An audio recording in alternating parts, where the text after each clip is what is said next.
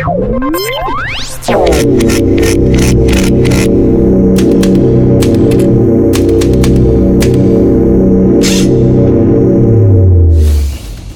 Lepo pozdravljeni v petem počrtu podkastu, z vami smo Leonard Kučič in Tato Polovec. In danes se bomo pogovarjali o eni obsežni preiskovalni temi na temo kakovosti domov za starejše v Sloveniji. Za to temo smo se v uredništvu počrta odločili iz dveh glavnih razlogov. Prvič, to je ena taka nadgradnja naše prejšnje teme, kako spremljanje kakovosti v zdravstvu, kjer smo že ugotovili, da je tukaj država precej pomankljivo opravljala to nalogo in imamo zelo malih takih mehanizmov, kako ugotoviti, kateri del naših zdravstvenih storitev je boljši, kateri pa slabši.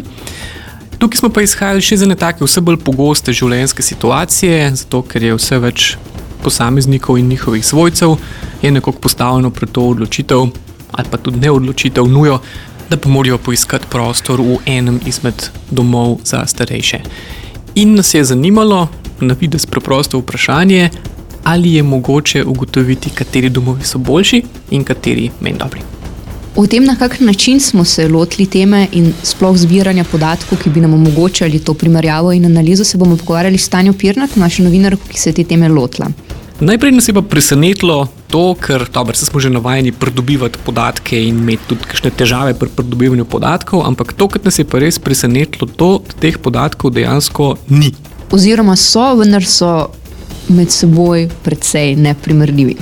In tudi nezdružljivi, in nihče jih sistematično zbira, zaradi tega je mogla naša novinarka Tanja praktično vsak dom poklicati in pisati posebej, prednje je pridobila podatke 115 domov za starejše, in iz tega dobila skoraj več vprašanj kot odgovorov.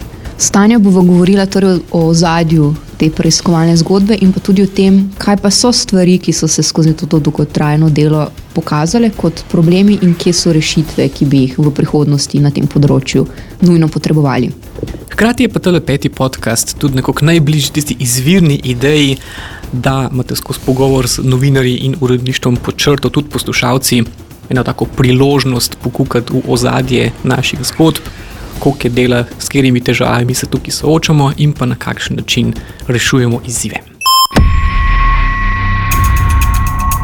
Z nama je torej Tanja, ki se je kakšno leto nazaj lotila enega najbolj obsežnih projektov na počrtu do tega trenutka. In to, kar je res samo Tanja, zaradi tega, ker se je v prejšnji epizodi Anže pritožil, da ga zmeram preveč formalno predstavlja, kot da se prvič srečamo. Skratka, živa Tanja. Zdravo, Leonard, zdravo, Taja. Torej, tema, s katero si se ti ukvarjala, je kakovost uh, oskrbe v domovih za starejše v Sloveniji. Tako. Ko smo se odločili, da se te teme lotimo, si verjetno nisi predstavljala, da bo to tako kompleksen projekt. Absolutno ne. Absolutno ne. Če bi jaz vedela, da je to tako kompleksen projekt, se ga nikoli ne bi lotila. Žal mi je, da nisem poslušala že enih namigov, ki sem jih dobivala lanskega januarja, morda še malo prej, da je tema zelo kompleksna, da bom imela kar nekaj problemov, da je to morda misija nemogoče. In sem jaz rekla, ah, kje je. Ah, kje je. Vse je mogoče. Neki, neki podatki obstajajo, hočemo vedeti, javnost si zasluži vedeti, kaj je v resnici res in kaj ne. In to so bili tisti pomisliki, a tabelo boš šla delati. Tako je, tabelo bom šla delati, zbrala bom nekatere podatke. Zdaj, če čisto na kratko predstavimo, kaj je pravzaprav bil projekt. Ti si dejansko stopila v kontakt z vsemi domovi v Sloveniji. Če na kratko predstavim svojo temo, zakaj sem se lotila in kaj sem naredila. Preiskovala sem kakovost oskrbe, kakovost zdravstvene nege in socialne oskrbe v domovih za starejše po Sloveniji. Zakaj? V medijih lahko večkrat zasledimo, vsakih nekaj mesecev, vsakih nekaj let, zgodbo nekoga, ki je bil razočaran za oskrbo, ki je dobil v domu za starejše.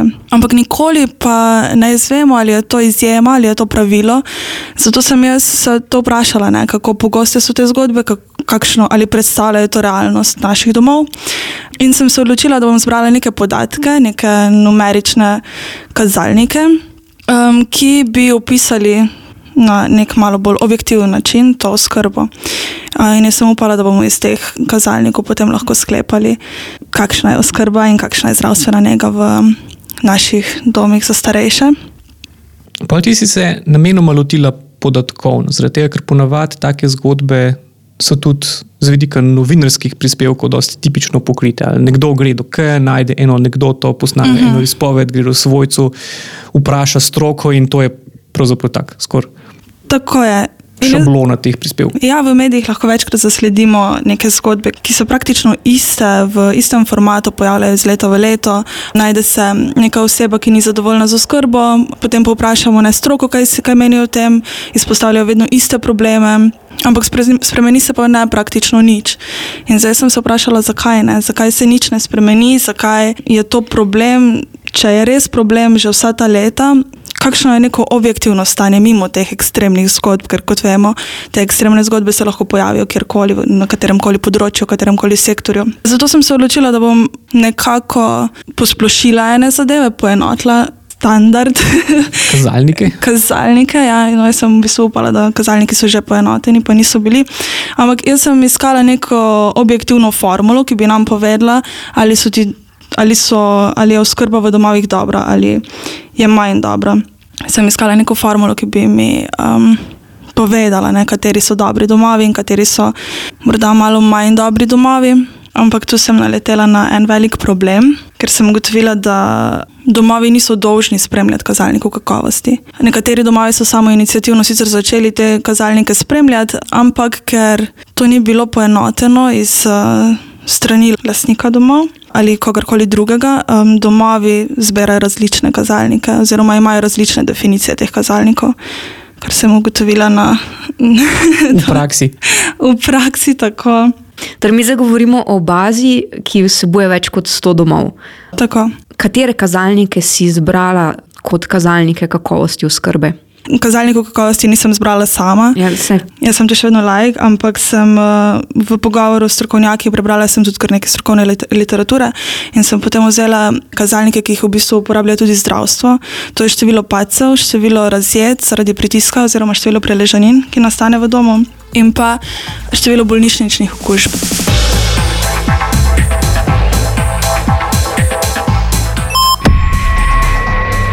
Bistvu sooča si se z eno podobno težavo, s katero smo se soočili že takrat, ko smo se pred časom ukvarjali s kakovostjo v zdravstvu, uh -huh. uh, kjer Kjelo. prav tako ni poenotenega zbiranja podatkov, prav tako pa tudi ni jasno, kateri kazalniki se beležijo na kakšen način. In potem se v bistvu zgodi ta paradoks, da tudi podatki, ki jih ti zbereš, na koncu iz njih ne moš posplošiti, kakšno je stanje domov ali jih na, naprimer rangirati po kvaliteti. Uh -huh. Tako mene je presenetilo, da besede, za katere se bomo najbrž vsi strinjali, da vemo, kaj pomenijo. V teh primerih nimajo poenotene definicije, recimo število pacev. Ja, kaj je padec sploh? Jaz sem vprašala vsak dom, koliko je bilo med letom 10, um, 2010 in 2016 v posameznem letu število pacev. In potem sem dobila raz, različne odgovore. Mi, smo, mi število pacev ne beležimo, beležimo pa število pacev in zdrsev in morda še kakšnih drugih incidentov. Mi število pacev ne beležimo, beležimo samo, koliko ljudi smo morali zaradi paca prepeljati v bolnico na tak način. In tudi uh, Anžej v enih od prejšnjih podkastov, pri kakovosti v zdravstvu, opozoril, da potem lahko tudi pri obdelavi podatkov pride hitro do kakšnih takih zavajajočih podatkov, zaradi mm -hmm. tega, mhm. ker dejansko lahko dom, ki ti sporoči več pacev, samo bolj temeljito meri pace. Ali pa ja. ima drugačno definicijo pacev, in potem, da v enem domu, kjer recimo je številka višja, uh mhm. -huh. to ne pomeni, da je to slabše ali pa da bolj padajo, ampak pač, da so neprimerljivi podatki. V članku jaz izpostavljam, da je trebno po pogledati domove, ki, so, ki stopajo tako v pozitivno kot v negativno smer. Recimo, strokovnjaki upozarjajo, da je pri starejši populaciji dosti nemogoče, da nihče, praktično nihče ne pade. Seveda je isto zaskrbljujoče, če pade, ne vem en človek vsak dan. Če, se pravi, če se ti paci zabeležijo, pa se potem nič ne zgodi. Ampak zdaj, kot rečeno, rezultate jaz zelo težko komentiram, ker um, mi smo z razlogom objavili še en poseben članek metodologija, ki je praktično kar dolg, kar obširen članek, ker je, um, vsi ti izračuni so. Naši lastniki so nastali na podlagi zelo majavih definicij, kako bi se izrazila. In je treba tu veliko stvari vzeti v zakup. No, zaradi tega smo imeli tudi veliko uredniških sestankov na to temo, tega, ker smo se vsi zavedali, da takoj, mhm. ko enkrat izbiraš podatke in ko enkrat te podatke daš v neke vrste lestvico, lahko dosežeš čist napačen učinek. Recimo, če izhajamo iz te konkretne življenjske situacije. Recimo, da moram svojca dati v dom, in da potem poskušam ugotoviti, kje dom je pa boljši, pa kje je slabši. In potem, seveda, tu imamo tisto zgodbo o maturi izpred parih let, uh mhm. -huh. ko se je kar naenkrat samo na podlagi ene lestvice začelo vrednotiti. Temu smo se potem hoteli izogniti in zaradi uh mhm. -huh. tega tudi nismo dajali.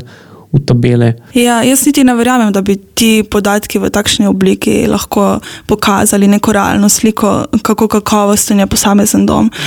Kar ti podatki pokažejo, je kakšna zmeda vlada na tem področju v tem trenutku. Upam, da pokažejo tudi, da je to zmedo potrebno malo pospraviti, malo počistiti. da ne vem, lahko obstaja en sistem z poenotenimi kazalniki, da morda ni tako zelo težko ga upeljati, kot bi na prvi pogled izgledalo. In upam, da, da se bo tu na tem področju kaj spremenilo.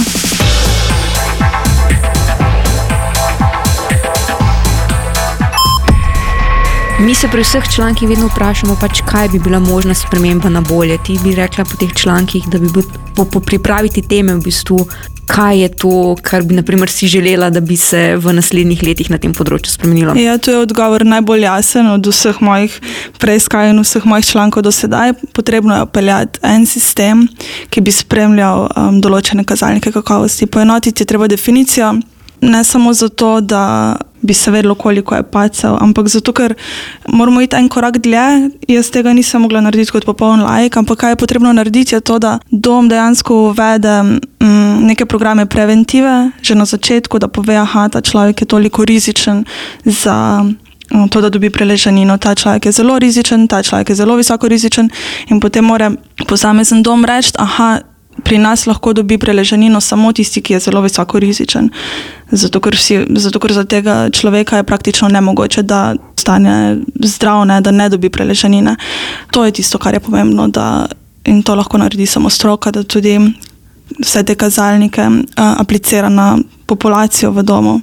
Ne samo reče, da pa je bilo 100, ker je drugače. Ne, če pa je 100 v domu, kjer so praktično vsi negibljivi, nepokretni, ali pa v domu, kjer je 300 ljudi pokretnih. Kakšni pa misliš, da so motivi za upeljavo tega sistema, ker to tudi izpostavljaš v članku? Da sistema kakovosti načeloma organizacija upele zato, da sama bolj dela, mm -hmm. da ima sama eno povratno informacijo mm -hmm. o tem, mhm. kaj se je dogajalo, na kakšen način. In tudi si omenila, da domovi, ki so to uvedli, so to naredili samo inicijativno. Zakaj misliš, da prvič, je to še zmeraj odvisno samo od posameznega doma, ali pa zakaj je še vsem premalo motivacije, da bi se dopučili?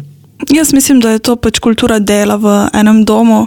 Se, nihče si ne želi delati slabo in nihče ne misli, da dela slabo.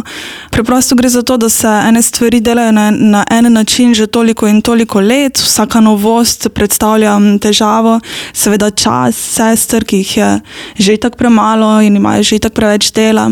In to so glavne uvere, da se ne uvede. Zdaj najslabša stvar je, da se uvede, pa se potem vse nič ne spremeni. Ne? Da se uvede sistem in da se ugotovi situacija, da je situacija doslava, pa se potem ne sprejmejo nekateri potrebni preventivni ukrepi. Ampak mislim, da večinoma se to ne dogaja. Jaz prvi komentar, ki sem ga dobila od vseh, je ta, da dom, ki spremlja dejavnike, kazalnike kakovosti, je dom, ki je zavezan k kakovosti, da želi neke, narediti nekaj izboljšave na svojem področju. In večina domov seveda to tudi stori, ko se zavejo nekega slabega stanja. Ga, to je tudi ena izmed stvari, ki ga v tem trenutku še ne primerjajo z ostalimi domovi, ampak si sami rečejo, da lahko bi naredili ene stvari boljše. Zato, da obstaja kakovost, je, oziroma da se izboljšuje kakovost oskrbe, je nujno, da se osebje zave nekega realnega stanja v domu. In jaz mislim, da je to morda tudi problem, da se ponekod ne zavedajo, da bi lahko bilo boljše. Zakaj pa tega ne naredi pač tista stran, ki jo najbolj kritiziraš in to je država? Zakaj tega ne naredi? Hm, dobro vprašanje. Dobro vprašanje.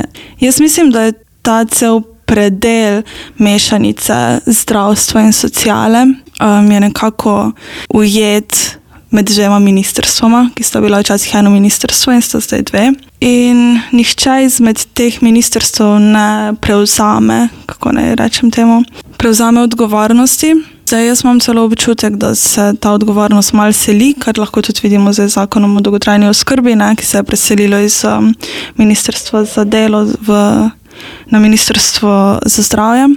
Jaz sem bila za to temo samo v kontaktu samo z Ministrstvom za delo, um, ki sem uh, jih tudi nameravala intervjuvati, pa smo se potem vseeno nekako zmenili samo za odgovore v pisni obliki, ker jim to ni bilo v interesu.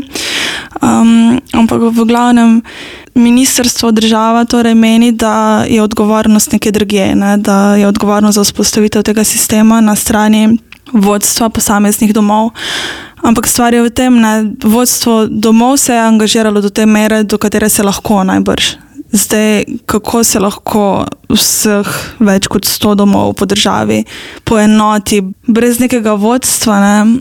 Brez tudi financ, ker to je treba vedeti, ta sistem bi tudi nekaj najbrž stal, samo peljava, da se samo da se vzpostavi, da se sploh dogovorimo, kaj ta sistem je.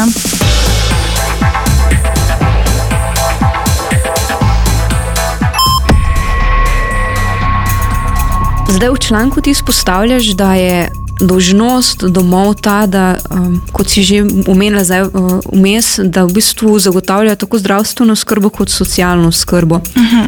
uh, kaj točno to pomeni? Zdravstvena skrba je to, o čemer sem govorila prej. Se pravi, da ima dom osebje v domu pod nadzorom neke življen, življenjsko nevarne situacije, da je število pacov, sploh visok, visokorizičnih najnižje možno, da je število preleženi naj, najnižje možno, isto da ne prihaja do prenosov bolnišničnih okužb, oziroma kolikor se lahko omeji. Socialna oskrba, po drugi strani, pa gre za nekaj, um, za nekaj čisto drugega. Socialne kazalnike je teže meriti. Uh, zdaj jaz enega sicer sem izpostavljam, to je zadovoljstvo uporabnikov znotraj doma. In vsi uporabniki so precej zadovoljni. Vsi uporabniki so neverjetno zadovoljni. Zdaj, mene, mene je mogoče presenetilo, da, da tudi vsi strokovnjaki, s katerimi sem se pogovarjala nad tem rezultatom, niso bili tako presenečeni, ampak tudi nihče izmed njih ni rekel, da je to posledica izjemno dobre, neverjetno dobre oskrbe. Isto si omenila med. Uh vsaj med pogovorom, da dobijo take komentarje, če še se stari ljudje se jih tako manj protužujejo. Ja, da je to značilnost te generacije, v bistvu, da, da, pri, da pričakovanja niso tako visoka. In obstaja skrb, da se bo to hitro spremenilo, ker prihaja več generacije, ki so, ki vedno, bolj, ki so vedno bolj zahtevne. še vedno bolj bojo, najbrž. Ko pridemo ta, mi.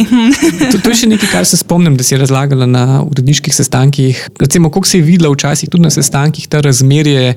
Morda tudi tega vpliva ali pa teže med recimo, socialnim delom in zdravstvenim delom, da v enih domovih kar izrazito izstopa zdravstveni mm -hmm. del na račun socialnega. A, večina osebja je zdravstvenih delavcev v, v domovih, socialnih delavcev je manj in zdaj je na vodstvo posameznega doma, tako mi je bilo rečeno, da zagotovi, da bodo imeli tako socialni delavci kot zdravstveni delavci nek primeren odnos do stanovalcev v domu, da kakšno je to razmerje zdaj. Seveda, meni je bilo rečeno, da je večina domov v Sloveniji še vedno nekako funkcionalno naravnanih, med 60 in 70 odstotkov, če se ne motim. Kaj to pomeni? Um, to pomeni, da kot sem že prej rekla, je večina osebja, zdravstvenega osebja, da je v spredju storitev, ne, ki jo vsak stanovalec sicer res potrebuje, ampak da, da se ne vzpostavi nek zaupen odnos, da ni bližina med stanovalcem in med zdravstvenim osebjem. In to je res za zdravstveno osebje, ki dela druge, morda um, se tega ne pričakuje od njih. V domovih za starostnike pa je vseeno so neki stanovalci, ki morda nimajo vsakodnevnih obiskov ali pa vsakotedenskih, celo vsakomesečnih obiskov in v bistvu tam živijo, potrebujejo. Ja, to ni bolnišnica, to je drugi dom. Ja, se to je ja. lepo povedal, mm -hmm. eno to sogovornik, da Gospod je to dom. Impel, tako, ja. Ja, ja, ne, ne bolnišnica. Ja, da to ni. Ni bolnišnica, ni zapor, ampak ja, prav, prav dom. In zahteva najbrž tudi posebno profesionalno osebje, ki, ki je voljno pomagati in se navezati in um, biti tam za te ljudi, ne, ki to potrebujejo. Čisto tak toj subjektivno, ti me zanima, recimo, ko si ti kot novinarka spoznavala temo, ker to je v vseh vidikih vzel veliko več časa, od zbiranja podatkov do tega, ki si videla, kaj vse še ne veš, kako še vse. Kaj si recimo ti tukaj najbolj videla v primerjavi s tem, kakšne so bila tvoje pričakovanja na začetku? Kaj si pričakovala? Hmm. Kaj ti je najbolj pokazalo ta prebijanje skozi sistem? Ne, ne vem, kaj sem pričakovala. Vsekakor sem pričakovala, da bo to da bodo ti podatki lažje dosegljivi in da bodo izrisali bolj jasno sliko. Pa sem ugotovila, da, se, da je tudi to področje, tako kot vsa ostala, zelo komplicirano. ne vem, težko je kot novinar iti v en dom za par ur in si ustvariti neko sliko. Težko je tudi za osebje, ki se morajo zagovarjati za ene zadeve, ki, ki se jim ne zdi, da so bile napačno storjene. Ne vem, ali si me presenetil s tem vprašanjem. Nekaj, to jaz mislim, da je naš mehki presenetil, ampak mm -hmm. mislim, da je to tudi ena od reči, ki je verjetno ena taka nujna posledica tega, tudi našega načina dela, konc koncev. Zaradi mm -hmm. tega, mhm. ker če si ti prisilen oddati prispevek v zelo kratkem času, enostavno nimaš časa tudi pri tudi dileme, o katerih govoriš. Ker pol vidiš ne samo, da je stvar bolj kompleksna, ampak tudi kar naenkrat ugotoviš, da ne moreš ne pokazati s prstom, kjer dom je boljši, kjer dom je slabši. Ne moreš reči, evo, ta je kriv za to ali pa to se dogaja. In to je nekaj, kar. Ja, kar komplicira naš življenje, ampak hkrati pa veliko bolj odraža to, da so vse teme veliko bolj kompleksne. No. Spomnim se še to, da me je presenetilo tudi, kako, kako različno percepcijo imamo, sploh do tega termina ali pa do te institucije, dom za starejše, različne, uh mhm. -huh. različne generacije, kako se to spremenja in kako je bilo v enih. Mogoče ne tako zelo oddaljenih časih, to vse je neka institucija, kamor so ljudje šli, ker niso imeli drugega mesta, kamor bi lahko šli, druge možnosti. Pa se mi zdi, da zdaj v zadnjih letih pa se dejansko malo bolj izpostavlja ta socialni vidik, zdaj dobro, ne v tem zakonu o dolgotrajni oskrbi, ki prihaja. Mhm, ampak. Ampak da se na terenu, pa tudi med vem, pogovori um, z mojo generacijo, domovi za starejše, vsem vidijo kot vem, domovi, kjer, kjer se da ne, živeti in uživati in nakartati. In, ne vem. In kjer je zagotovljena neka kakovost življenja? Ne ker je ja. lahko ja. zagotovljena neka kakovost. Ja.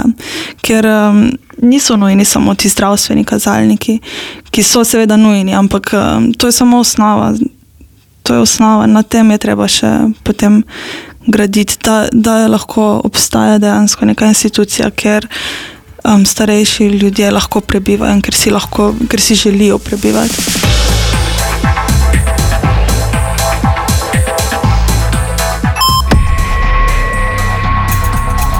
Pa si slučajno zaznala, kaj tudi trende, ki jih pa naši novinari po zahodnem svetu opažajo, da je vse več trendov tudi med stroko, da se malo deinstitucionalizira starost, kar pomeni, da se ne krpi samo ta oblika oskrbe v domu, uh mhm. -huh. ampak da se razvija nove alternativne oblike od tega varovanega, normalnega bivanja do vseh teh mogočih modelov, ki dejansko ljudem, ki so dovolj zdravi, da si to lahko mogoče ponuditi.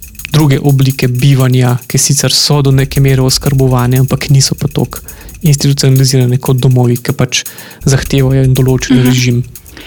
Um, zdaj na terenu jaz tega nisem opazila, uh, vem pa, so mi povedali, gospodje in gospe, da um, se to vse bolj, da se to vse bolj dela.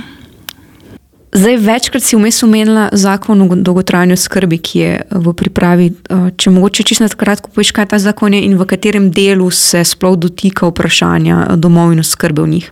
Um, zakon o dolgotrajni skrbi se v Sloveniji piše in sprejema že več kot deset let. Zdaj, mislim, da sem prej že rekla, da je šel lansko leto, lansko leto od Ministrstva za delo na Ministrstvo za zdravje. Um, zdaj tam je bila spisana v zelo kratkem času nova verzija zakona, ki vsebinsko ni tako različna. Zakon poskuša urediti. Um, Oskrbo vseh tistih, ki jo potrebujejo dolgotrajno, torej tudi, ja, tudi starejših, kot že ime samo.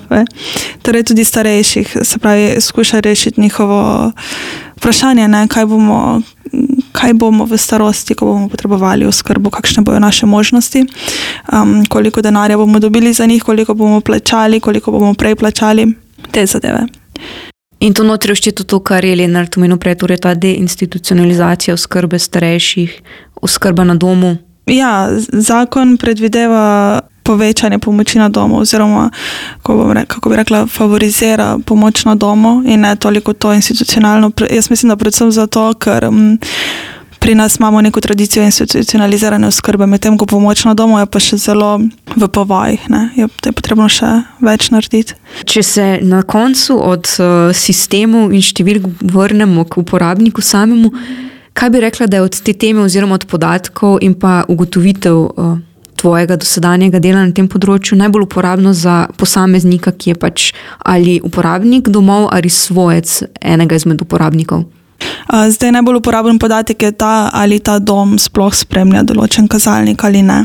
Ker kot sem že rekla, je to tisto, kar nam pove, ali je dom zavezan kakovosti.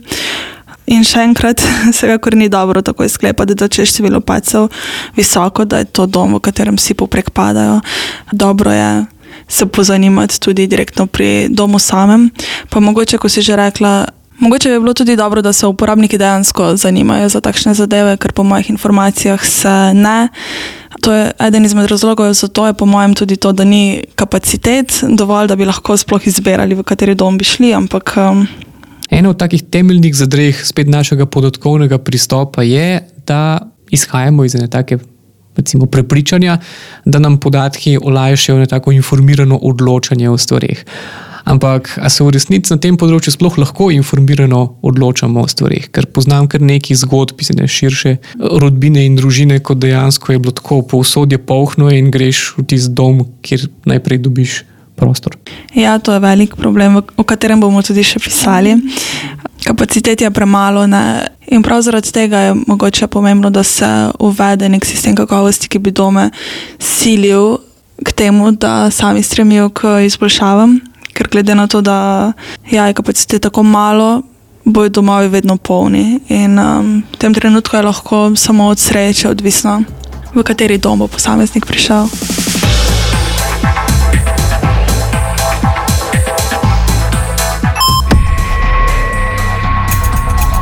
Temami, kot sta kakovost zdravstvene oskrbe in pa kakovost socialne oskrbe, se bomo na počrtu v prihodnosti seveda še ukvarjali, tako da lahko pričakujete še kakšen podcast na to temo.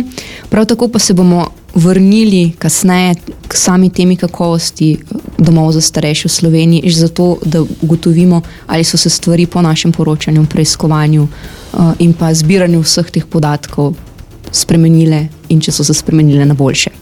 Ja, ker tukaj hočemo še enkrat poudariti, da smisel zbiranja in obdelave podatkov ni samo to, da to pač počnemo, zaradi tega, ker fajn zgleda in zaradi tega, ker podatki na videz dajo občutek ne bolj take objektivne resničnosti, kot pa samo izpovedi in zbirke anegdot, ampak zaradi tega, ker bistvo vsakega zbiranja podatkov je to, da veš, kaj delaš. Da veš, kje si lahko boljši, da veš, kaj izboljšati, kako izboljšati, skratka, da se to, kar večkrat poudarjamo, izboljša sam sistem. In tako lahko samo upamo, da bodo to prepoznali tudi tisti, ki so za ta sistem odgovorni. Z vami smo bili tokrat Leonard, Taja in Tanja, glasbeno podlago pa je, kot vsakež do sedaj, namešal Milan Fras. Po črtu smo Anžejo Boštic, Tanja Pirnat, Lenard Kučič, Rogrča in Tato Polovec. Naše delo je mogoče zaradi tega, ker nas bravci podpirate z donacijami, kar lahko vedno naredite na počrtu.si/slash podpri. Najlepša hvala. In pa kot ponavadi, eh, algoritmi vam bodo zelo hvaležni za morebitna priporočila, komentarje in pohvale, ki jih pustite v svojem odjemalcu za podkaste, ki to omogoča, zaradi tega, ker je potem naše vsebine mogoče lažje najti, pa tudi med priporočili seznanja. Tako da hvala za poslušanje in se slišimo v naslednjem podkastu.